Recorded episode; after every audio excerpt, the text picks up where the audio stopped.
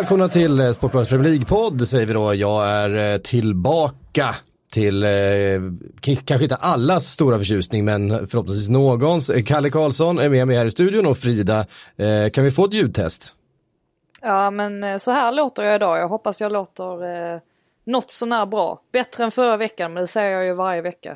Har du köpt någon ny mikrofon? Eh, jag har faktiskt beställt en, men den har okay. inte hunnit komma. Så att det är egentligen inte mitt fel. Eh, fullt ut. ja, det är bra. Ja. Eh, då vet vi att vi har en, en resa uppåt i framtiden också. Mm, ja, men precis. Det tycker vi om. Vi, eh, du har ju varit ute, du, du har ju den här fantastiska förmånen nu att du är ute och kollar på de här Premier League-matcherna varenda helg. Istället för att bara sitta och uggla framför tvn. Ja, jag, jag, gör ju det, men, men sen samtidigt så då missar man ju mycket annat. Så att man får ju, man får ju rätt mycket av att vara ute och man får liksom andra perspektiv och sådär. Mm. Men eh, man missar rätt många matcher också, ska sägas. Så blir det ju.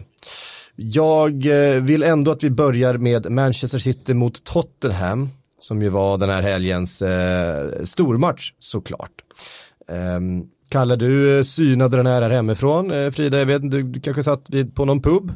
Följde den eller? För jag gissar att du inte hann till Manchester däremellan.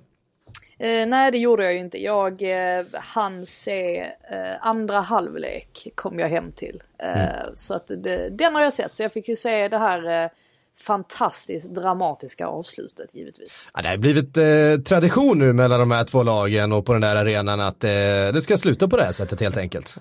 det ska sluta med Gabriel Jesus i be besvikelse. Eller ja, Sterling var det ju först förra gången, men eh, ja. Ja, det är ju faktiskt helt otroligt att eh, det här mötet får samma typ av avslutning och att det är inte vilket VAR-domslut som helst utan det är återigen ett VAR-domslut där ingen egentligen har upptäckt det här mm. förrän det sker. Och eh, när det väl har skett så är det bara att konstatera att ja, reglerna säger en sak och domar, domarrummet har gjort rätt bedömning. Sen kan man diskutera reglerna i det här fallet. För att mm. Jag gillar ju inte den här regelförändringen och jag var tveksam när den kom, eh, när den lanserades där inför sommaren. Att eh, man skulle bedöma då alla offensiva hands eh, som bestraffningsbara då och inte eh, liksom all, överhuvudtaget bedöma hur bollen har sökt handen eller vilken kroppsposition du har armen och så vidare. Och jag tycker att jag tycker det var en märklig förändring av hans regeln. Jag ser inte var, varför det skulle vara någon fördel. Eh, det är klart att det kommer vara någon situation någon gång, som i det här fallet, med att ett lag gör mål och att en boll har träffat en hand någonstans som inte har varit avsiktlig ja, jag skulle hellre ta det. Mm. Jamie Redknapp hade en fair point eh, när han eh, frågade sig själv varför Oliver inte går ut och tittar på monitorn själv. Alltså, nu hade han väl säkert dömt hans i alla fall för att alltså precis som vi säger så regeln den, den är ju klar och tydlig att bollen får absolut inte röra vid armen. Men det är ju faktiskt oerhört få domare, jag har inte sett en enda hittills i Premier League som faktiskt har valt att springa ut till monitorn och titta själv. Alltså jag tycker det säger lite också, det tyckte väl eh, Jamie Redknapp också att eh, ja men det känns som att domarna inte riktigt eh, vågar och det är ju illa nog när typ Premier Leagues bästa domare inte heller verkar göra det eller i alla fall inte vill vara delaktig i beslutet. Jag tror att de har blivit tillsagda om att göra bara det när det är nödvändigt. För att när de ska springa ut, det är då det drar iväg i tid och det är det som har blivit så utskällt mm. i, i turneringarna och, och eh, när det tar för lång tid. Och jag tror att de har blivit tillsagda att när domarrummet säger att vi är säkra på vår sak, då, då ska ni lita på det.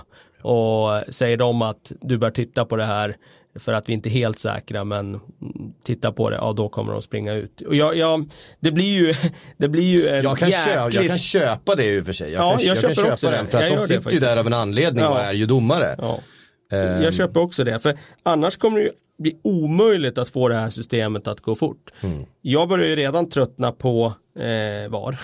Mm. eh, även om jag när det infördes kunde jag se en poäng med det. Men jag börjar tröttna på att det ta bort för mycket av glädjen mm. eh, av, ett, av, av, ett mål i stunden. Ja, ja. Och det tänkte jag inte på på det sättet att det skulle göra så ofta som det ändå sker nu. Mm. Eh, och det är väl det jag är emot.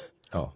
Um, Jag håller helt och hållet med. Men ja, den situationen är vad den är. Den har diskuterats eh, ganska mycket, men det finns ganska mycket annat i den här eh, matchen också. Framförallt Eh, Kevin De Bruynes eh, assistfot är tillbaks, kan vi eh, konstatera med, eh, med en fas. Den första assisten på, det, på ett tillslag där är ju helt magnifikt i Sterling. Den andra också är också på ett tillslag fram till Agüero. Den är väl kanske lite mer rutinmässig då. Han ser honom och prickar honom på första stolpen men den på, på Sterling till 1-0 är ju, den är ju helt magnifik. Ja det är den och det är intressant också att inläggsspel är ju inte riktigt Manchester Citys adelsmärke. De har ju inte de bästa huvudspelarna utan snarare ganska små offensiva eh, spelare i den där trion. Men gör man det med den tajmingen som de gör eh, så kommer det ändå vara svårt att försvara sig mot det. Och De Bruyne har ju en unik inläggsfot för han kan ju slå inlägg på så många olika sätt. Han kan dels slå den där på ett tillslag som landar på exakt rätt kvadratmillimeter. Men han kan också slå de här stenhårda låga eh, som han är lite ensam om att göra med den precisionen och den frekvensen som han gör det. Han hade ju ytterligare två eh, inspel i den här halvleken som City borde ha förvaltat och då hade han stått på fyra assist på första halvlek. Eh, på en halvlek mot CL-finalisten från i våras. Det är ett ganska bra facit om, om mm. det hade blivit så. Han var helt outstanding i den här första halvleken och det är klart att eh, de får ju ytterligare liksom ett, ett vapen när de har han tillbaka som det låga försvaret som annars kanske kan försvara sig mot City om man centrerar och ställer sig där. Men just hans inlägg och inspel, de är väldigt svåra att försvara mot. Så att nu har de ytterligare en spets som, som blir svår att hantera. Mm. Precis som de behövde det. ja, precis. Nej, då vann ju ligan i fjol i ett historiskt starkt titelrace och eh, nu får de tillbaka honom och han eh, liksom bara liksom har kombinationen. Jag tänkte på det som den här första halvleken som City gör är ju helt monstruös. Den är, eh, ja, ja, jag kan inte minnas att jag har sett så mycket som har varit bättre än den första halvleken. Det tar väl 16 minuter tror jag innan Tottenham är inne i deras straffområde i matchen mm. och då har de liksom vunnit tillbaka bollen oftast direkt och så parkerar de bara där uppe. Och de kommer ju hela tiden till lägen och det är det som är så imponerande. De har alltså 30 avslut i den här matchen vilket är helt eh, fenomenalt. Men eh, det blir ju så när de har spelare som både är bra med bollen och är villiga att löpa. Mm. Och det är ju, ska säga, unikt. Eh, oftast har du antingen eller. Men de har både och. Och eh, tajmingen i deras eh, kombinationer, den, jag har inte sett det från något annat lag i, faktiskt inte i världshistorien. Inte på det sättet. Det har funnits andra lag som varit bättre. Men just den här tajmingen när de hittar in bakom backlinjen, den, den har jag aldrig sett från ett, något, lag, något annat lag. Alltså De, De Bruyne och, och, eh, Manchester City i all ära överlag ute på planen. Men var det bara jag som tyckte att det här dramat mellan Guardiola och Agüero, det var ju, det var ju lite spännande sådär. Det var, vi fick ju se en hel, eh, alltså att de först liksom har en liten burst out där och är lite förbannade på varandra. Och sen dessutom försonas. Det var, det var väl lite fint. Men är inte, är det inte det en sån relation som Guardiola har till sin omgivning? Han känns så fruktansvärt intensiv och att känslorna svallar åt max. Åt, han är antingen max arg eller max kärleksfull eller max ifrågasättande eller max eh, liksom supportive eh, av, av, alla spelare han möter. Eh, alltså man kommer de här situationen med Nathan Redmond förra eh, säsongen när han bara ville säga någonting men han, han är liksom så, jag vet det är väl ganska typiskt spanskt kanske, lite, lite generellt svepande. Eh, Ja men där tyckte jag han gjorde bort sig Guardiola där om vi tar den där situationen med Nathan Redmond. Va, va, så, han, vem är han och berätta för Nathan Redmond vad han ska göra liksom. Och då, Redmond, det var ju uppenbart att han inte brydde sig ett skit om vad Guardiola sa i den ja, situationen. Nej. Han fortsatte ju bara gå. Och jag vet inte om, det är ingen del som jag tycker talar så, till Peps fördel. Nej men och så såg man det liksom i i förrgår igen där nu med, med, med Agüero liksom att det blir, det, känslorna svallar åt alla håll hela tiden. Det är så, han verkar så fruktansvärt bara intensiv. Men det kan ju inte vara lätt heller för Agüero att varje gång han ser Jesus gå upp och värma så vet han om att nu är, nu är slutet nära eftersom att de två alltid byter med varandra. Fast det är ju eh. inte något unikt i och för sig. Eh, alla, alla lag har väl en anfallsavbytare som som kan gå upp jo, och värva. absolut. Men det, det känns ju som att det är extra speciellt just där eftersom det var så himla länge sedan han spelade de två eh, samtidigt. Alltså det känns ju som att sen han ändrade spelsystem där så det, det kommer ju inte hända igen känns det som. Men eh, på tal om Agüero. Han har alltså gjort 97 mål på Etihad Stadium nu. 97 ja. mål. Och dessutom har han gjort 27 mål på de senaste 21 Premier League-starterna på Etihad. Ja. Det är inget dåligt facit. Nej, det är otroligt. Han är bra på att göra mål. Det, det är bara att konstatera. Eh, ja, men det är också lite speciellt dem emellan eftersom det var ganska tydligt så att Gabriel Jesus var tänkt att liksom växla av Agüero som ju eh, börjar bli till åren även om det, jag inte tycker att det märks speciellt mycket i spelet. Men att tanken var att Gabriel Jesus var, skulle liksom, eh, Agüero skulle fasas ut och in skulle eh, Gabriel Jesus. Eh, men det har ju inte blivit så för att Agüero när han fick den konkurrensen och han kände att det liksom brann lite under fötterna då växlade han ju upp istället och har eh, haft fler starter och, och, faktiskt spelat bättre än vad han gjorde säsongen innan där. Eh, där jag drogs med mycket skador också så att det, det har ju funnits en sån tydlig konkurrens dem emellan. Eh, det är lite intressant att följa. Eh, absolut. Eh, men vi sitter här och hyllar City. Det blev bara kryss. För det var ett Tottenham som tog vara på de chanserna som dök upp och eh, måste pass, passa på att hylla Ndombele. Alltså den eh, framspelningen till Amela till, till eh, eh var det 1-1 eller var det 2-1? 1-1. 1-1 var det då ja. Ja precis, det var ganska tidigt va, typ 20 någonting minuten. Um, den är ganska fin den bollen, man, man tänker inte så mycket på det men, men eh, plötsligt blev det ganska mycket tid för Lamela centralt där mellan backlinje och, och, och, mittfält. Ja och nej, jag tycker att eh, Sterling står och såsar i den situationen. Han ska flytta in och stänga den passningen. Men han, eh, jag vet inte vad han gjorde faktiskt, men han stod i alla fall och drömde. Jag tyckte inte den passningen var eh, så avancerad. Den ska han klara av att slå. Men det är positivt att han gör det med automatik. För nu har vi mm. sett att han gör det i premiären och han gör det eh, eh, i den här matchen också. Eh, det som är mest anmärkningsvärt med den situationen tycker jag är Edersons målvaktsspel som är katastrofalt. Jag vet inte riktigt hur han har placerat sig själv i målet i den situationen men avslutet från Lamela sitter ju inte någonstans vid stolpen utan det är ju minst en meter från stolpen. Ja, det är att han och, curlar den runt försvararen lite ja, där, så att han, att han, blir lite skymd helt enkelt. Jättekonstig placering eh, av Ederson, och, eller positionering och eh, en riktig tavla i mina ögon. Mm. Det är väl Ederson som får bära hundhuvudet lite grann också vid andra målet. För jag menar, alltså jag förstår att han blir överraskad av den nicken men det känns ju som att han hade kunnat göra det där bättre också, eller? Ja, den är ju absolut, han kan göra det bättre. Jag ser inte som en tavla, men han kan göra det bättre. Mm. Eh, sen eh, ska ju City såklart inte låta Lucas Mora komma in och av alla människor komma in och, och nicka den där helt ostörd. Men eh, Mora har ju faktiskt ett underskattat huvudspel. Eh, vilket han visade där. Och jag tycker han är värd en egen, ett eget avsnitt med tanke på hur eh, han inte är ordinarie men han eh, på något sätt alltid lyckas komma in och göra skillnad.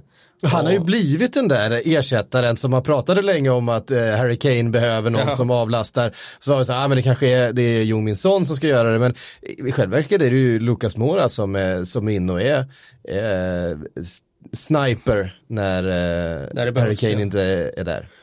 Ja, nu var ju Harry Kane där också, men när det behövs. Ja, precis. Som en eh, avlastning. han har eh, den otacksamma rollen att inte vara ordinarie men spela som en ordinarie spelare. Mm. Eh, han eh, har ju eh, tagit sig upp på en nivå där han borde vara startspelare men det finns ingen riktig plats för honom i elvan. Och vi får ju se hur det utvecklas, det blir intressant att följa. Sen får man säga när det gäller Tottenham, de går därifrån med 2-2. De kommer dit med ja, den tuffa försäsongen som de har haft med spelare som har kommit tillbaka sent och lite mm. skavanker här och där. Åker till Etihad, den svåraste bortamatchen tillsammans med Anfield på hela säsongen.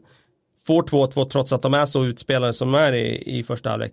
Det säger ju väldigt mycket om den nya mentaliteten som finns i Spurs. Det finns ju en mental styrka och någon slags hårdhet som aldrig fanns i den klubben under hela 90-talet och en bra bit in på 2000-talet. Men nu finns den ju där och det måste man ju imponeras av. Och där kan vi titta på förra eh, veckan, alltså premiäromgången när de ju kommer tillbaks i en match där de ligger under och det börjar liksom, tiden börjar bli knapp men Nej men de, de växlar upp och de hittar sitt bästa spel och till slut så är det ju inget snack om saken och vinner den, vinner den matchen ganska tydligt ju. Ehm, ja det är, det är imponerande. Ehm, och Tottenham måste väl utmana i år också, eller? Om det ska vara någon framåtrörelse. Ehm, vara med i ett titelrace. Kan de lyckas med det Frida? Alltså jag har ju väldigt svårt att säga att någon ska kunna rå på, alltså dels Manchester City i det långa loppet, eh, men även Liverpool. Eh, ja, jag tycker att det står mellan dem. Sen, sen är det klart att alltså, Tottenham, det är ju, eh, de är ju en väldigt stark treande, särskilt nu när man har sett Arsenal och Chelsea spela, man är väl lite osäker fortfarande på Manchester United var de står. Alltså Tottenham känns ju fortfarande som det laget som ligger eh, liksom närmst bakom eh, City och Liverpool. Men för mig så, så eh, det kommer att krävas rätt mycket för att de ska vara med eh, hela vägen fram. Mm. Eh, från eh, en ett, två titelkandidater då till eh, en tredje. Liverpool åkte till Southampton i det då så kallade Lovren, van Dijk, Nathaniel Klein, eh, eh Sadio Mané, Adam Lalana och nu då Danny Ings-derbyt. Eh, det är oerhört mycket spelare däremellan som har bytt, eh, bytt eh, klubbadress.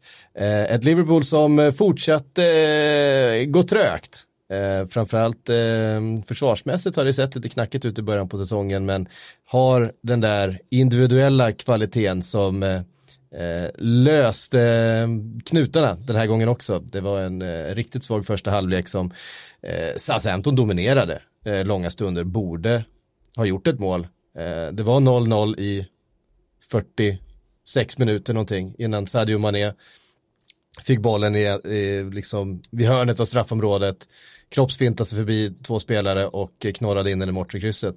Och det är klart att eh, när kollektivet inte riktigt fungerar och när spelet inte riktigt sitter, då får man luta sig lite grann på de individuella kvaliteter som ju uppenbarligen finns i det här, det här laget och Sadio Mané har ju börjat den här säsongen eh, fantastiskt bra. Eh, Firmino fyller på, sen så såg man ju också den här eh, bristen som man har, alltså man, hur mycket Alisson betyder för det här Liverpool, för Adrian. Även om man gör en ganska, en ganska bra räddning på en eh, nick i eh, första halvlek så eh, sjabblar han ju in den i, i andra halvlek och så blir det ju spännande i onödan på grund av det sjabblet när Liverpool egentligen i andra halvlek har tagit över matchen.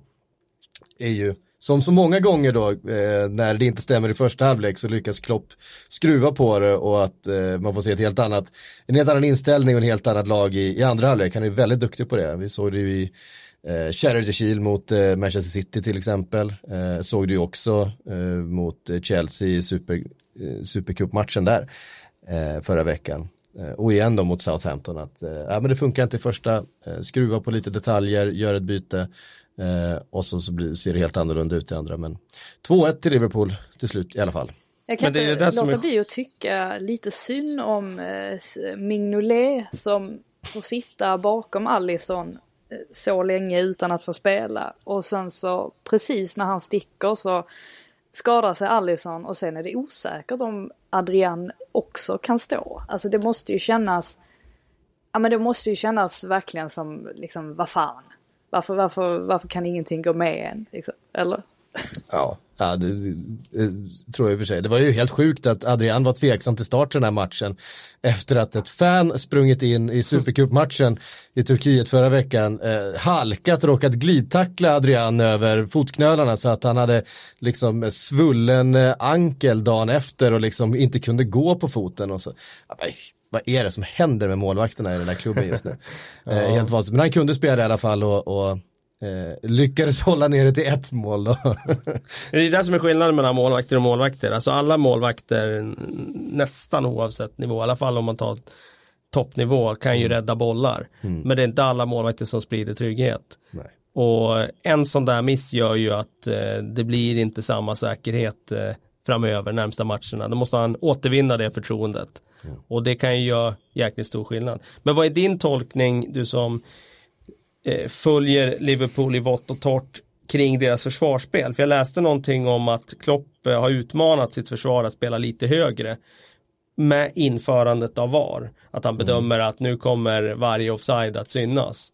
Så de ska spela någon meter högre och det tyckte jag ju Norwich till exempel utnyttjade mm. Eh, väldigt tydligt i premiären, kom in bakom Gomes framförallt. Mm. Som ändå är snabb, mm. men linjen fungerar inte riktigt. Och eh, det är ju inte riktigt den där tryggheten bakåt den här säsongen som det var förra året. Eh, alltså alla de här tre matcherna som har spelats nu inklusive Supercupen så har ju de ju släppt till chanser på ett sätt som man inte gjorde förut. Alltså det som jag har upplevt är väl snarare, jag tycker egentligen inte att backlinjen, Joe Gomez har, har haft ett par eh, positionsmisstag i början på säsongen här, även eh, Trent Alexander har upphävt någon offside och sådär i onödan. Men eh, det jag tycker är den stora skillnaden är att, att, för, att mittfältet inte riktigt sitter ihop med försvaret som det gjorde förra säsongen. Det var så oerhört eh, tight. Det fanns ingen, fanns ingen tid för någon att slå den där bollen bakom heller. Och där tycker jag inte riktigt att eh, varken Fabinho eller, eller Henderson eller Vinaldum, eh, alltså de som har spelat eh, mest de här första matcherna, riktigt har kommit rätt i positionen. Det har funnits tid centralt. De har förlorat för mycket bollar centralt, för mycket närkamper. Det har funnits lite tid att slå den där bollen som inte riktigt fanns. Um, det har mer känts som en kollektiv brist i försvarsspelet än enskilda misstag utav försvarare faktiskt. Eh, sen, sen är det som du säger, jag tror, och Klopp har ju sagt det också, att ja det ser ut som de har mycket målchanser men eh, de är ju offside hela tiden, men det är klart det stannar ju kvar i huvudet på en. Men, eh, och domaren låter målchansen spela ut och det ser ut som att det är en målchans och de har missat stolpen precis men i själva verket så är det en decimeter offside och VAR hade plockat upp det han skyller ifrån sig lite grejer eh, såklart men, men han menar på att det, och det är ju någonting som de använder väldigt mycket av offside-linjen är ju en viktig del av försvarsspelet såklart. Ehm, men vi såg det ju mot Chelsea också i Supercupen i veckan. Där fick vi några rafflande löpdueller mellan Matip och Giroud. Det gick fan inte snabbt. Två av ligans långsammaste löpare. I, i, eh, det blev förvånad över att, att inte Lampard faktiskt tidigare såg att eh, det fanns ut utrymme bakom och att han skulle haft någon annan än Giroud att springa eh, på den ytan. För det är ju kanske den långsammaste anfallaren i, i hela ligan. Eh, tillsammans med Glenn Murray. Men eh, och Matip som inte är speciellt snabb då att eh, man kan slå bollen där. Och det, det kan nog bli ett problem för Liverpool. Om eh, de inte är helt synkade, att det blir en lite taggig backlinje. Att eh, någon av ytterbackarna står och upphäver den där offsiden om det är så de vill spela. För han vill ju gärna spela med en hög backlinje. Han vill ju spela med hög press och, och eh, liksom on the front foot hela tiden. Och, eh, det är väl också därför som man har experimenterat lite mer med, med Joe Gomez med en snabbare mittback än, än, eh, än Matip. Trots att Matip var så bra i, i våras. Men jag tror att tror att det är Matip som kommer att spela och eventuellt kommer det innebära att backlinjen inte blir fullt så hög eh, som den var i början av eh, de allra första matcherna. Så det, det är min take eh, på det. Sen får vi se då fall eh, Gomes ibland då flyttas ut till höger på högerbacken istället för Trent Alexander-Arnold. Eh, samtidigt så tappar man ju då kanske ett av sina viktigaste vapen med, med de inläggen som man har eh, som ju eh, av allra högsta klass eh, såklart. Så att ja, så, så känns det, men det sitter inte riktigt ihop spelet än. Det, det, det flyter inte riktigt som, och det gjorde det inte riktigt i början på förra säsongen heller. Det, det var ganska eh, knackigt både, både bakåt och framåt faktiskt under de första matcherna under förra säsongen. Sen så kom de på något sätt igång. Och det... Ändå sex poäng och en titel. Alltså, det ja. går inte att klaga. Det, är liksom, det viktigaste de är ju att ta poängen. Ja. Sen det viktigaste är ju att ta poängen i början. Så att... ja. Det, och sen kommer det jag tror inte man ska vara överdrivet orolig. Jag är mer Nej. orolig i så fall för skadan på Allison. Att det, eh, blir det kommer, något, att, det, det, att det blir något återkommande också. Ja, precis. Att det, eftersom det är en muskelbristning mm. då. Det är ju sånt som kan eh, eh, återkomma när man försöker växla upp träning igen och sådär. Eh, men så ska man ju komma ihåg att det kommer tuffare test än Norwich hemma och Southampton borta. Eh, det kommer det garanterat. Vi rör oss vidare till eh, Arsenal som tog emot Burnley. Arsenal som också har inlett med eh, sex poäng. Där var det anfallsstjärnorna Lacazette och Aubameyang som höll sig framme och Frida du var där. Ja det var jag. Ehm, och det var väl en ganska, eh, eller ganska kul, alltså det var ju väldigt, för en objektiv åskådare så var det en oerhört underhållande match att eh, sitta och titta på. Eh, och inte minst tack vare minst, ehm, tack vare Danny Sebaggio som eh, eh, jösses alltså vilken publikfavorit han har hunnit bli på väldigt, väldigt kort tid. Eh, supportrarna de sjöng hans namn vid varje hörna. De eh, liksom hyllade varenda snurrfint han gjorde och sen var det ju ett tillfälle i andra halvlek där han gjorde tre snurrfinter på rad och hela publiken bara reste sig upp och gav honom stående ovationer. Och dessutom fick han en stående ovation när han eh, byttes ut också. Så att eh, nej, eh, det är nog ingen spanjor som har hyllat så mycket på The Emirates sen Santi Casolas dagar. Det är det ska man veta och då är han ändå bara ett lån också. Eh, mm. Det känns som att eh, det enda supporterna pratar om nu det är hur man ska lyckas eh, göra den här övergången permanent. Så mycket verkar de älska honom. Och han är ju spektakulär att titta på har ju fantastiskt fina fötter. Sen är det ju krasst så att Arsenal, alltså det här den här sortens spel som de spelade nu mot Burnley, det kommer ju straffa sig någon gång och det gjorde ju också det vid ett tillfälle där när Ashley Barnes löper rakt igenom Louise och Sokratis och drar in kvitteringen precis innan paus. Alltså de spelar Jo, med sån oerhört stor risk hela tiden och det är, det är liksom kvadratenpassningar och, och liksom minsta möjliga marginal på alltihop. Man ska spela sig ur varenda situation. Eh, så att eh, nej, alltså väldigt underhållande att titta på. Eh, men de har, alltså anledningen till att de ens vinner den här matchen det är ju för att de har bättre individuell kvalitet än vad Burnley har helt enkelt. Alltså Burnley orkar ju inte stå emot där i andra halvlek och Aubameyangs mål är fantastiskt fint också. Men eh, det kommer straffa sig eh, att det ser ut som det gör bakåt. Det är mot eh, bättre motstånd, så är det ju. Mm. Ja, precis. För precis som för, för Liverpool så väntar ju tuffare, tuffare motstånd framöver för eh, Arsenal än, än Burnley hemma. Ehm, hur ser du på det här laget Kalle och det här lagbygget? Det är ju offensivt viktat minst sagt. Ja, och det, eh, det liksom, så har det ju varit i, i flera år. När han kom i fjol så ville han ju sätta på plats ett sätt där de skulle spela sig ur varje situation och det gick väl si och så kan man väl lugnt säga när Peter Käck skulle stå där bak och vara någon slags quarterback. Eh, jag tror att eh, med det året med den utvecklingen ett år till. Eh, sätta lite fler spelare på plats som hanterar det här. Eh, en utveckling var ju att skicka Peter Käck från startelvan till bänken. Eh, eftersom Leno har betydligt bättre fötter. Jag tror att eh, det kommer vara en process som eh, till slut kommer att bli lyckosam. Jag tror att de kommer att vara riktigt, riktigt bra på det här sättet att spela.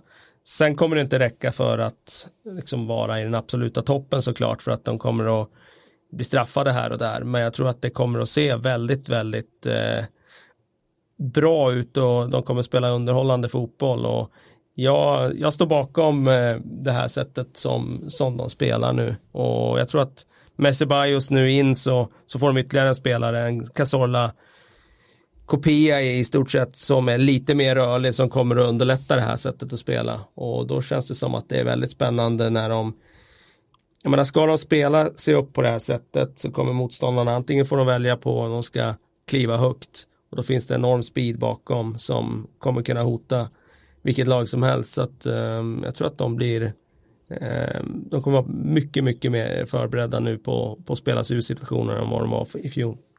Mm. Jag kan ju säga att jag håller inte med Sean Dyche eh, som på presskonferensen efteråt gick till fullständig attack och menade att Arsenal-spelarna att de la sig ner för enkelt och eh, nu måste vi se till att eh, bestraffa filmarna hårdare och stänga av dem och han var helt var helt galen. Eh, man hade kanske inte förväntat sig så mycket annat men det var konstigt att av allt som hade hänt under den matchen så valde han att fokusera på den biten. Jag vet inte, nu, nu ser man ju matchen ur ett helt annat perspektiv när man sitter på läktaren kontra när man tittar på tv men jag tyckte väl inte att de filmade inte mer än vad någon annan gör i, i många andra lag eh, kan jag tycka. Så att, eh, men nej, det är Sean Dye kände att han, han ville ta den fighten där och då. Mm.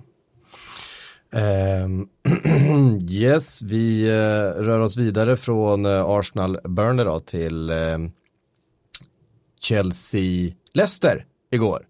Ehm, jag har sett den här matchen bara med ett öga. Ehm, men det är ju noterbart i alla fall att Lampard, trots ändå ganska fint spel stundtals, fortfarande står utan seger den här säsongen?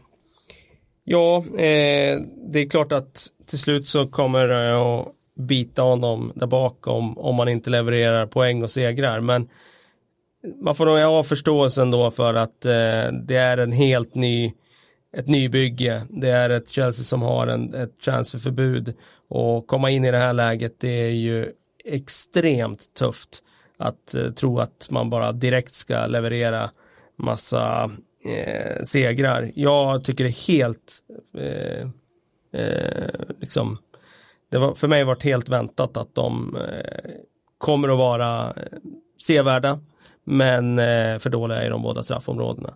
Och det är det jag ser framöver att det kommer vara ett tag till. Eh, de har ju inte riktigt den där killerspelaren, varken Giroud eller Tammy Abraham ser jag som någon spelare som gör 25 mål. Eh, om de ens gör 20. Eh, och det kommer vara ett problem. Det kommer vara ett problem att backlinjen kommer att bli sårbar.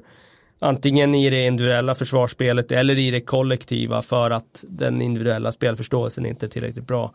Och det tycker jag att man ser eh, på de här två första ligamatcherna bara. Kurt Schuma hade en mardrömsmatch i första matchen på Paul Trafford. Och eh, nu blir de sårbara för att Aspikueta eh, ja, står och eh, knappt hoppar i eget straffområde när NDD nickar in 1-1. Så att eh, jag tror att eh, det kommer se väldigt lovande ut i perioder men det kommer vara lite för tunt i, i de båda straffområdena där matchen avgörs. Jag tyckte att de började den här matchen jättebra Chelsea. Sprang ju Eh, massor, satte press på Leicester, pressade sig till 1-0. Eh, men sen i andra halvlek så var det ju faktiskt så att Leicester var betydligt bättre. Mm. Ja, Aspiluketa, jag har redan kasserat honom i princip eh, med tanke på vad han har visat nu de här två inledande matcherna, det är ju under all kritik och han är ju en av dem som man föreställer sig ska kliva fram, alltså som har mer rutin och sådär och, och tar mer ansvar på så vis. Men det har man inte sett eh, mycket av eh, så här inledningsvis.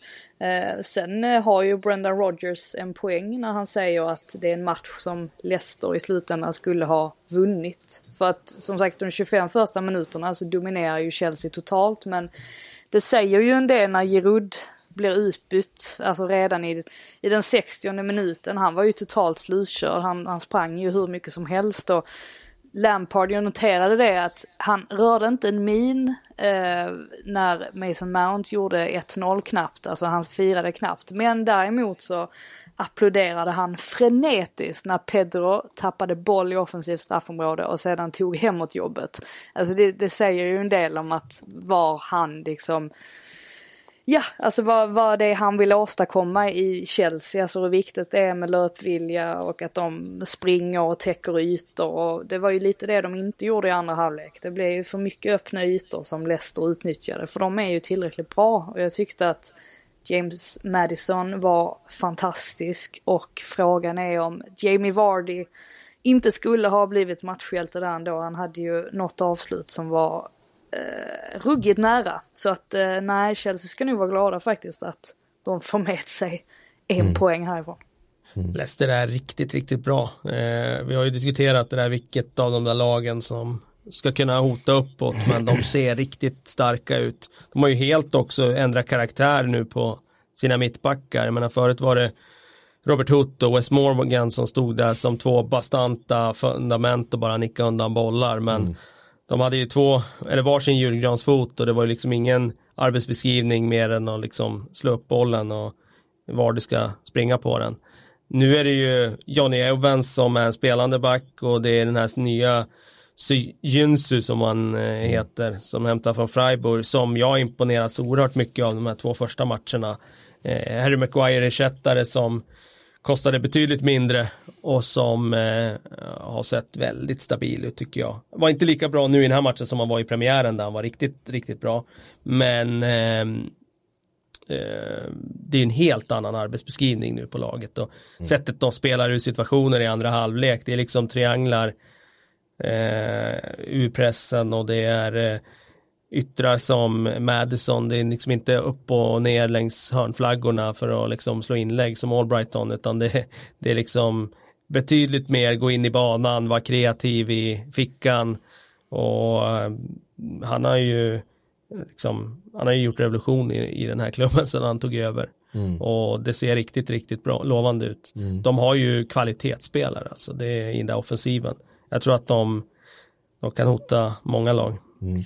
Kan, ja, alltså, kan bara notera också att Mason Mount gjorde eh, det för, alltså Lampards första mål nu som eh, tränare i Chelsea och han gjorde ju faktiskt samma sak för typ ett år sedan i Derby. Det var han som gjorde eh, Lampards första mål då också. Bara en liten sådär kul eh, notis, lite kuriosa. Mm.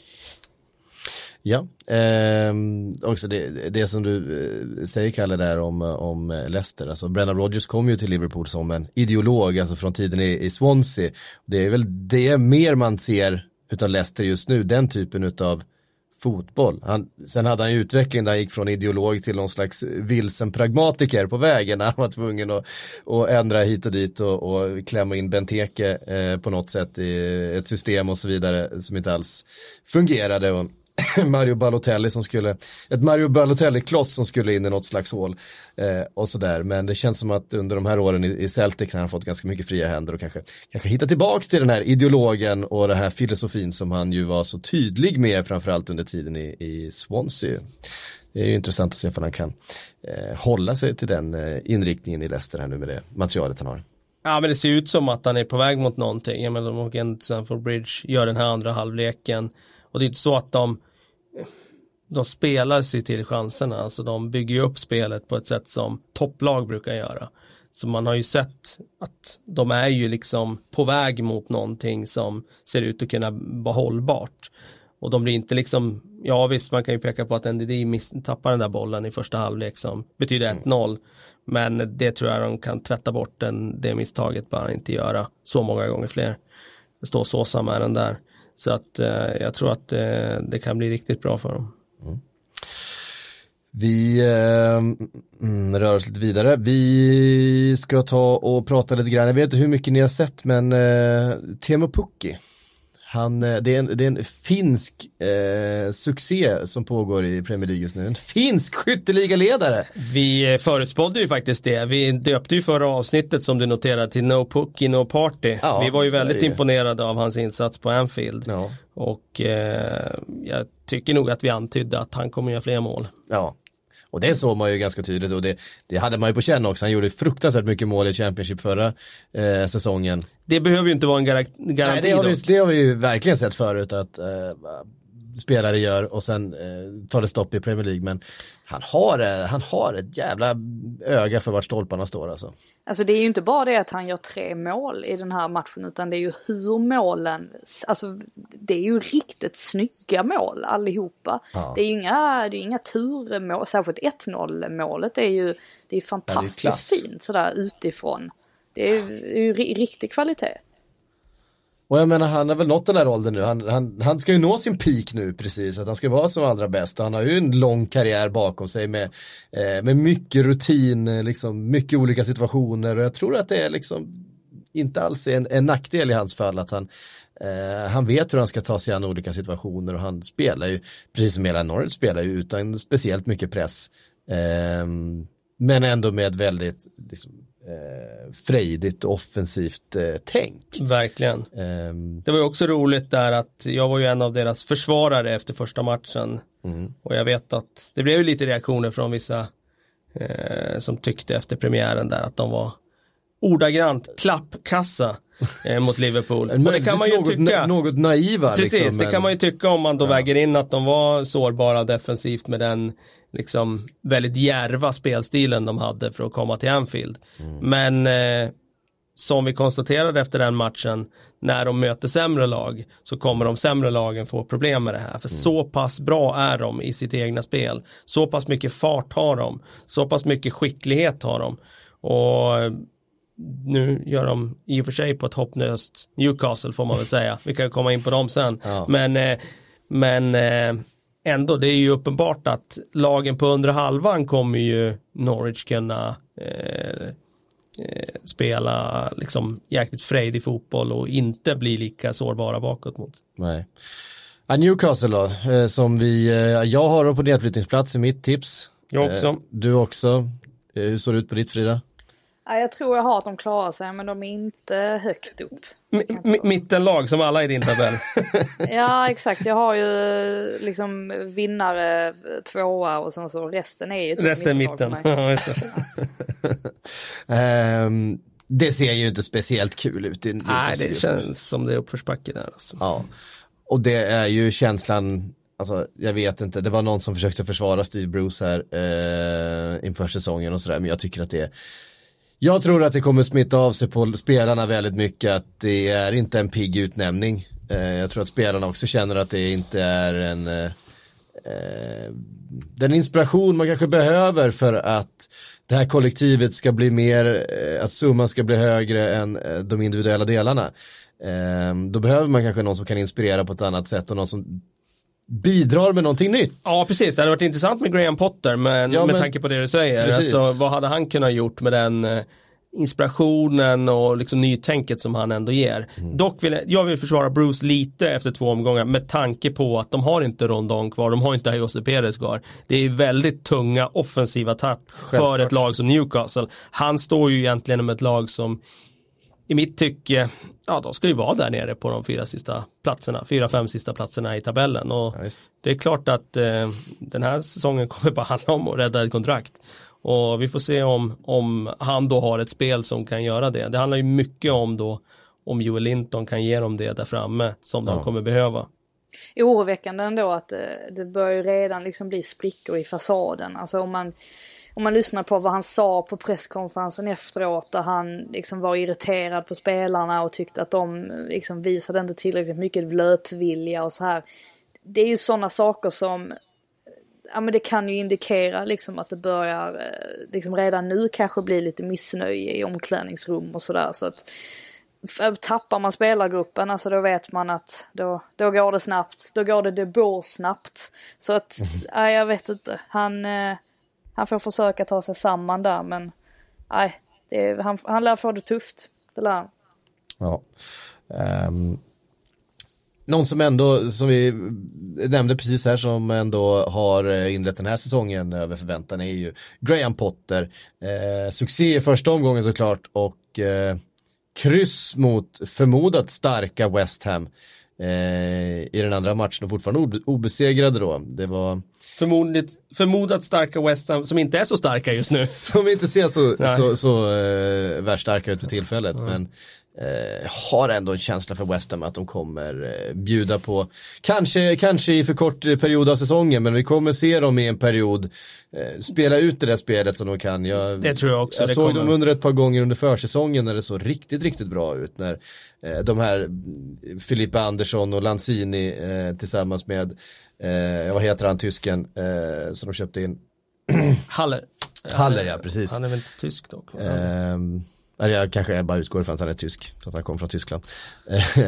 Ehm, där, det, där det såg riktigt fint ut och det, det skulle kunna ställa till problem. Nu blev det 1-1 mot eh, Brighton. Vad säger du om Han är Potter så här långt? Han är fransman. Han, han, Han är halv, ja. Ali. Okej. Eh, nej men det var ju kul.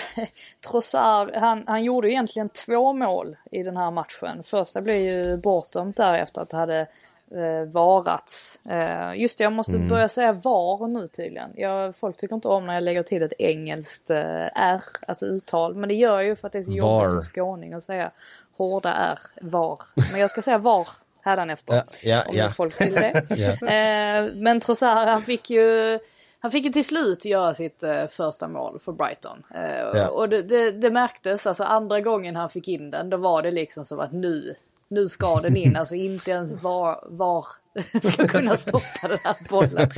Och, så det var ju skönt för honom och liksom bra start också. Och det känns som att nyförvärven i Brighton, de levererar verkligen. Och det, sån där mm. grej är ju, är ju superviktig.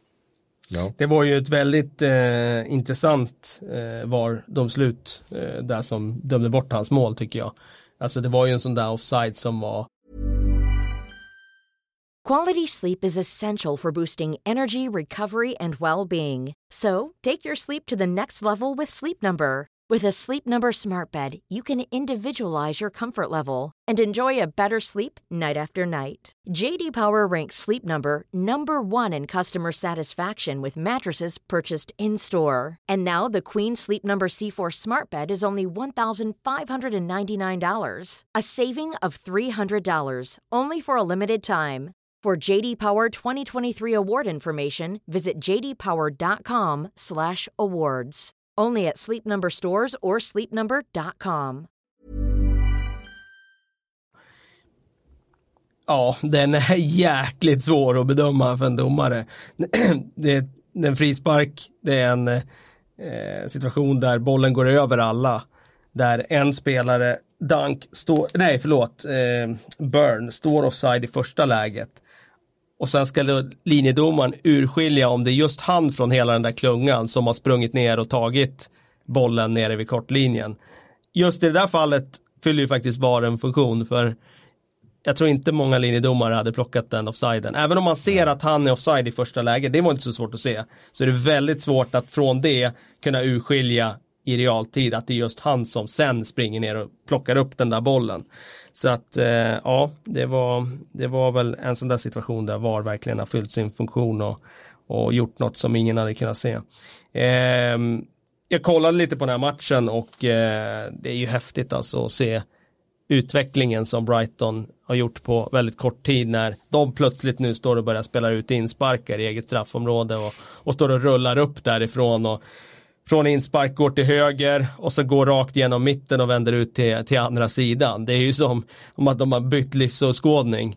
De mm. eh, har ju liksom gått från den ena ytterligheten till den andra och eh, det, det måste vara så, så enorm ja, omställning för spelare för, för Dan Burn och eh, för eh, Louis Dunk och den typen av mittbackar. Det är ju riktiga skogshuggare som nu liksom ska börja spela någon sammetslen eh, tiki-taka-fotboll. Men eh, Potter, alltså jag sätter stor tilltro till att han kommer lyckas med det. Sen om det sen led, hur mycket resultat det leder till, det får vi se, men det kommer att det kommer vara spännande att följa onekligen. Mm. Otroligt viktigt för dem att få den där 3-0-segern mot Watford. För att verkligen. det såg ju faktiskt skakigt ut inledningsvis ja, i den matchen. Verkligen. Men, men, när de får in liksom det första målet och, och det rullar på sen. Alltså då, det ger ju, det stärker ju dem, det ger dem i självförtroende. De förstår att de kan lyckas med detta fler gånger. Så att ibland krävs det ju det som man själv säger. Potter han talar mycket om flyt. Att man måste ha det. Um, och han har ju rätt faktiskt på så vis att en sån seger gör ju väldigt väldigt mycket på sig. Mm. Um, en annan utmanare uppe i toppen, inte den absoluta toppen men eh, som, Sheffield United. som vi har ja. nämnt. Ja vi kommer till Sheffield United ja. också, vi måste nämna Everton först här nu som vinner med 1-0 mot Watford som har öppnat svagt den här säsongen. Eh, det är många som har påpekat att Everton nu har hållit nollan i, eh, vad är det, det är en jäkla massa matcher i rad. Eh, där vi har kritiserat eh, eh, det laget lite grann för att svaja bakåt. Eh, det gör man inte längre. Och det känns som att eh, den gode Silva har, Nu får du chansen har... till din Marco Silva-hyllning. Nu kan du damma av den. Kom igen nu, kör. Eh, jag gillar ju Marco Silva, det är, det är ju ingen hemlighet. Nej. Däremot så har jag ju också kritiserat honom för att han haft svårt att eh, täppa till bakåt, att få till en defensiv organisation. Eh, så var det ju onekligen under hans tid i Watford och hans första tid i Everton. Eh, där de å andra sidan då hade en väldigt lång period utan att hålla en enda nolla. Eh, där känns det som att han nu kanske har fått till någonting istället, att eh, eh filosofin har satt sig. Eh, det är ju en ehm, en, en filosof eh, Marco Silva. Eh, på, på många sätt och jag menar när han kom till Hall till exempel var det det, det första han gjorde var ju att, att styra upp defensiven eh, för att få till deras ändå ganska framgångsrika avslutning av den säsongen även om det innebar eh, eh relegering. Men, eh, ja, men Everton ser, ser tunga ut och har de ordning på det där försvaret och med den offensiva kraften de har skaffat sig eh, då kan det bli en riktigt trevlig säsong för Everton det här faktiskt. Förutspådde ju i något sammanhang, jag minns inte om det var i podd eller i webb-tv eller om det var i text, att Michael Keane skulle vara eh, betydligt bättre och tryggare nu ja. den här säsongen. Och, ja. eh, han var ju väldigt bra säsongen eh, före han kom där. Ja, precis, exakt. Och sen hade han ju lite skakigt, men eh, jag tyckte i slutet av förra säsongen, eh, jag minns inte om det var, nu flyttar allt ihop, jag minns inte om det var slutet, men det fanns matcher i alla fall där under våren när jag ändå hajade till att ja, men han börjar ändå hitta tråden nu.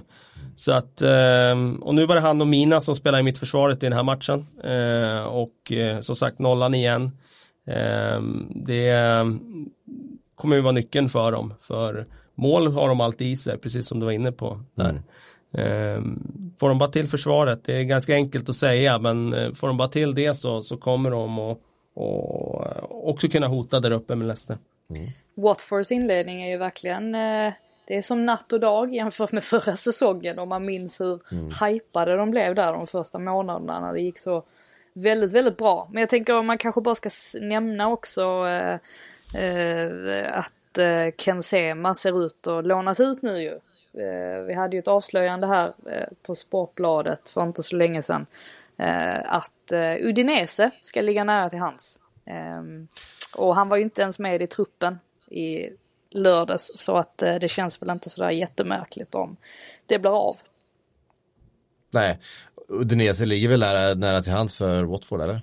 Ja men precis, det är många spelare som har kommit och gått där. Sen är ju frågan om det är rätt steg. Jag hoppas verkligen han ser till att han kommer få spela i så fall om han går dit. Eh, man vet ju att det kan gå lite hur som helst i, i den där typen av eh, klubbar. Och eh, det känns väl inte som att den här tränaren Igor Tudor kanske inte är sådär jätteglad i den spelartypen som kan se med. Men man får hoppas att man har fel och att han gör. Mm, sitter han i händerna i Potsos liksom, Precis, karusell i, där. Nu kommer det ekos, ekosystemet. Precis, nu kommer det, kan det vara skickas runt bland, bland deras klubbar. Men de har ju släppt Granada där va? De har väl inga intressen där längre vad jag förstår. Nej, det är mycket möjligt. Ja, Udinese och Watford i alla fall. Skytteltrafik däremellan. Ja.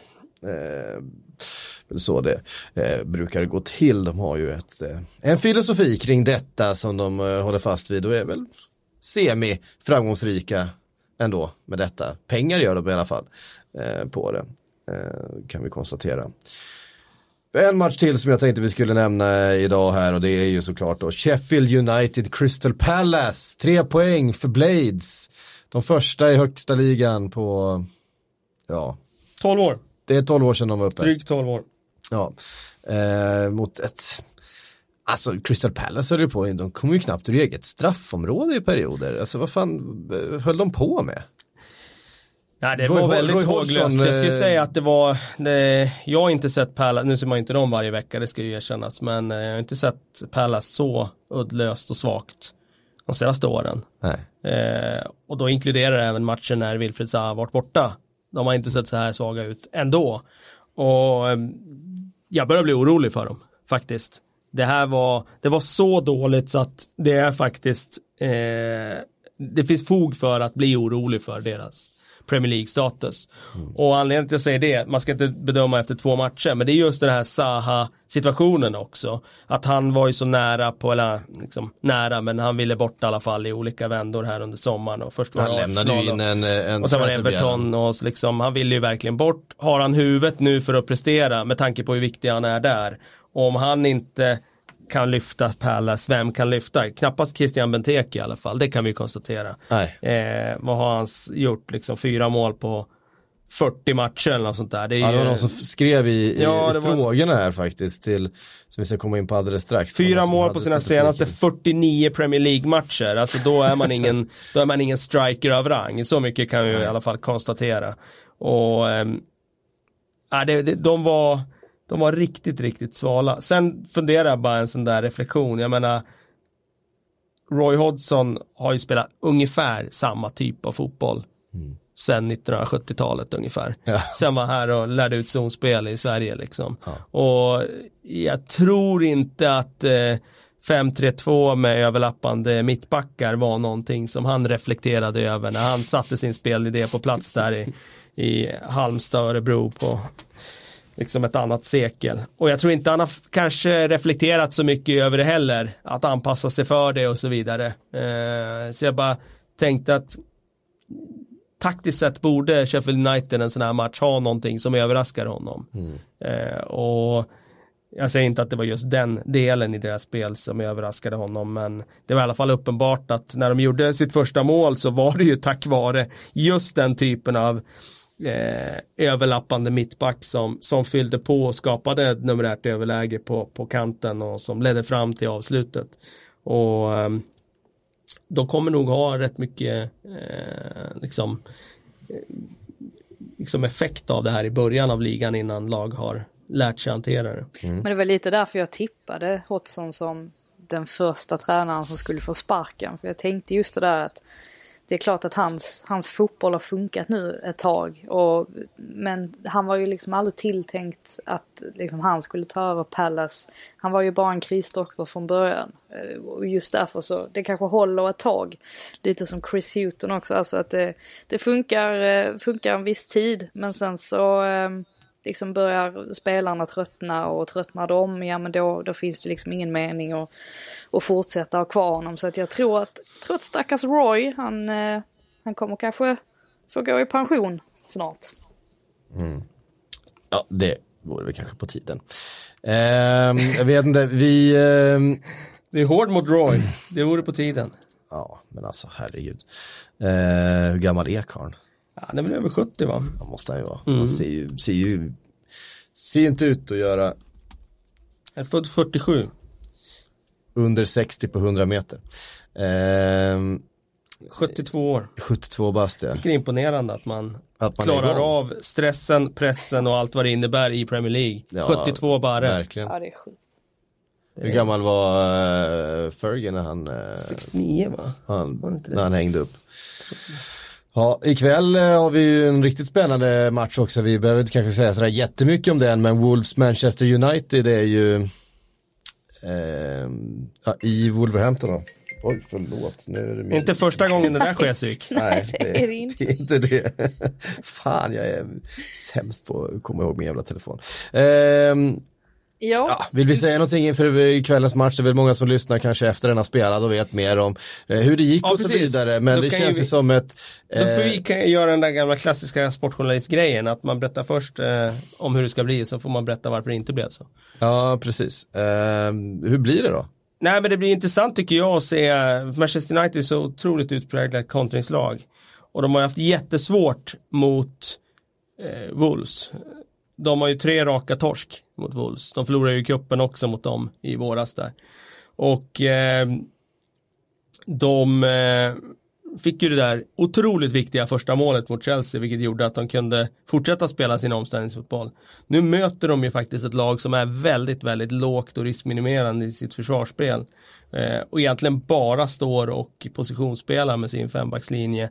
Och eh, jag tycker av de matcherna jag sett hittills av Wolves i höst så har de blivit ännu lägre och ännu mer kontrollerande än vad de var i fjol. Så det blir väldigt intressant att se om United har det för att öppna dem nu då, ett lag som kommer stå lågt.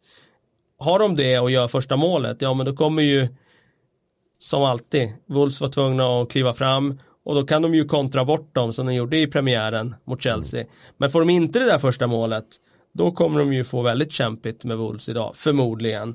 Eh, men det blir intressant, det blir verkligen ett test för dem att se var de står. För att det kommer inte bara räcka att spela det omställningsspel de gjorde i andra halvlek mot Chelsea i premiären. Det kommer bara funka i vissa matcher. Eh, och vara väldigt, väldigt avhängigt på att de har gjort eh, första målet hamna i ledningen. Eh, så att eh, spännande match ikväll. Mm. Ja, den här känns... matchen är faktiskt anledningen till att jag måste runda av snart för jag ska dit. Eh, yeah. Men det känns som att det här kan ju bli en ganska tråkig match. Jag vet inte, jag har en känsla av att det kommer inte bli så mycket mål och och sådär. Eh, men jag hoppas såklart att jag har fel. Eh, sen blir det ju ett litet jag, att, jag lanserar det som världens intressantaste match och du säger tråkig match. Ja men jag, jag vet inte, men det är just av den anledningen som du säger att liksom, dels så har United fått ett liksom, betydligt bättre försvar. Lite upp till, upp till bevis för dem nu också givetvis. Det kommer det att vara varje match i och för sig men det, nu blir det ju liksom, eh, ja alltså ännu, du vill se dåliga försvar. mer det där att Maguire, Lindelöf, de måste visa att de är de nya Vidic Ferdinand. Um, men också det där att Wolves, de går inte på i onödan. Liksom. Uh, och de är ganska duktiga på att försvara sig de med och har ett bra facit mot United. Så just därför så känns det som att det kan bli ganska få mål. Och få mål brukar ju generellt innebära en ganska tråkig match, eller lite sämre match än andra. Mm.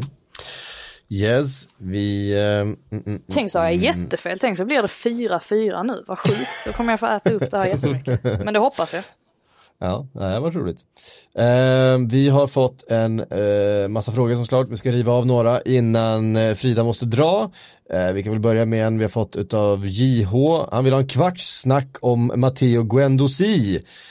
Frida, du som var på plats, hur såg han ut, den unge fransmannen?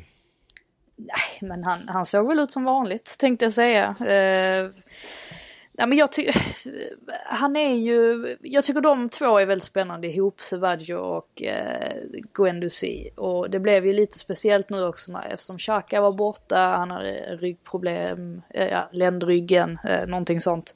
Eh, vilket gjorde att det var ju liksom en otroligt framåt tung eh, startelva det här. Och han är ju spännande eh, ihop med Sebaggio. Det är ju två väldigt spektakulära spelare men de blir ju också ganska sårbara ihop. Så att det, helt plötsligt så kunde det ju liksom smälla åt andra hållet och det gjorde ju till slut också där när Barnes gör kvitteringen. Så att det är liksom på gott och ont med den typen av uppställning. Eh, det är kul, kul att titta på men eh, det innebär inte direkt att man eh, har säkrat upp hemåt om man säger så. Nej. Um, vi har fått en fråga här ifrån Albin. Han vill att vi ska prata om Norwich ytterbackar och där, eh, det är ju ett väldigt utropstecken för både eh, Aarons och eh, vad heter han? Lewis. Lewis har ju inlett den här eh, säsongen väldigt, väldigt fint. Snackade rätt mycket om dem efter, efter premiären faktiskt, ja. jag och Frida. Ja. Jag var framförallt imponerad av Lewis då på Anfield där. Ja. Även om han missade markeringen som sagt på van Dijk där på ett av målen så spelmässigt så såg han ju jättespännande ut. Mm. Jag tycker och, Aaron såg väldigt bra ut i den matchen också. Eh, åt båda hållen. Ja, alltså jag tror att de kommer vara två sensationer den här säsongen. De kommer inte vara kvar i Norwich speciellt länge. Eh, utan det blir nog det här eh, året och sen kommer de plockas upp av, av större klubbar. Så pass bra är de och de är fortfarande tonåringar och mm. bara det är ju hisnande. Ja, så mycket ytterbackar de får fram plötsligt i England. Det är samma sak som i Skottland. Eh, på min resa var jag så träffade jag en, en kille från Glasgow, en Celtic-supporter. Han sa liksom diskussionen där man fått fram Kieran Tierney efter att ha fått fram eh, Andy Robertson en gång i tiden. Och så är det de två bästa, bäst lovande skotska spelarna genom tiderna, båda två spelar på samma position. Ja, det är sjukt. Att Men det är nästan som för Spanien och målvakter där, liksom när de Gea var var ju inte första val i många nej, år på grund nej. av att plötsligt hade de massa bra målvakter. Ja. Och ja, det kan ju vara sådär ibland. Ja. Eh, och det, det... Och nu ska liksom varenda, varenda eh, spännande, vi har liksom Sessignon, vi har Alexander Arnold och vi har Van Bissaka och så nu kommer Aarons och Godfrey och vi har eh, Chilwell i Leicester och det är plötsligt hur mycket klass som helst på ytterbackarna i eh, de brittiska lagen. Eh, ja, det är spännande att se i alla fall. Och spännande att följa. Eh, Ed undrar, som så många gör varje vecka, kommer något lag slå sig in topp 6? Känns som att Chelsea kan sluta sämre än sexa. Vilket är laget ni tippar? Eh, ta sig förbi i sådana fall. Jag säger Leicester i så fall. Ja, nej men jag tycker också, jag har sagt Leicester från början. Jag håller väl fast vid det, särskilt efter eh, insatsen eh, igår mot Chelsea. Mm. Fast i och för sig har jag sagt Everton tidigare så man kanske borde stå, stå fast vid det. Kan jag inse. Jag står fast vid Everton istället. Okej. Eh, det har, känslan är väl i alla fall att det är mellan de två va? Wolves och West Ham har vi också nämnt där uppe som eh, intressenter men eh, Eh, Wolves Ja, var väl, se. Det är ju test ikväll för Wolves här. ja precis. Eh, eh, ehm, Anton Rundsvik, hur länge dröjer det innan första tränaren får lämna? Steve Bruce skriver han inom parentes. Ja, precis. Alltså, Steve du sa Bruce, ju Roy, där Hodgson. Frida. Men, ehm, och det kan bli så, eh, absolut. Men eh, Steve Bruce kan ju också vara den tränaren. Sen är ju frågan om hur mycket prestige ligger bakom där Exakt. med Steve Bruce. Eh, och vem som kan vara tillgänglig också. Ehm, Mm. Att få loss. Och vem som alltså vill hoppa på Newcastle. Det är ju inte alla som vill göra det. Eh, det är en ganska eh, ja, riskfylld stol att sitta på ska jag säga. Så att ehm, ja, Bruce Hodgson är väl hetaste tipsen just nu. Mm. Och det kan, det kan gå fort. Ja, det kan det göra. Jag menar det Frank de brukar alltid ju vara bara någon fyra som- matcher. Ja, rikt, riktigt så, eh, Det var sjukt. ja det var sjukt, riktigt så eh, snabbt lär det väl inte gå men ehm, det, alltså jag är inte så här, Xavi Gracia, Nej, om, om en eh, Watford inte, Han har för mycket förtroendemandat efter förra säsongen för att få gå rycker upp tidigt. sig. Ja, det tror jag inte att han får. Nej. Ja, ja, vi får se. Vi eh, ska knyta ihop den här säcken för eh, Frida, du ska iväg till eh, Birmingham, eller det är till Wolverhampton säger man väl egentligen va? Mm, ja. Eh, och eh, rapportera därifrån. Vi, eh, Kalle du ska också iväg på något eh, åtagande vet jag. Ja, ska dra ut en visdomstand så att Ja, det är väl ingen, det, olika fall i ödets lott som man säger. Ja, eh, thoughts and prayers till Kalle Karlsson när han drar ut sin visdomstand om en liten stund sen här och sen så eh, följer vi Fridas rapportering från kvällen och så hörs vi allesammans om en vecka igen.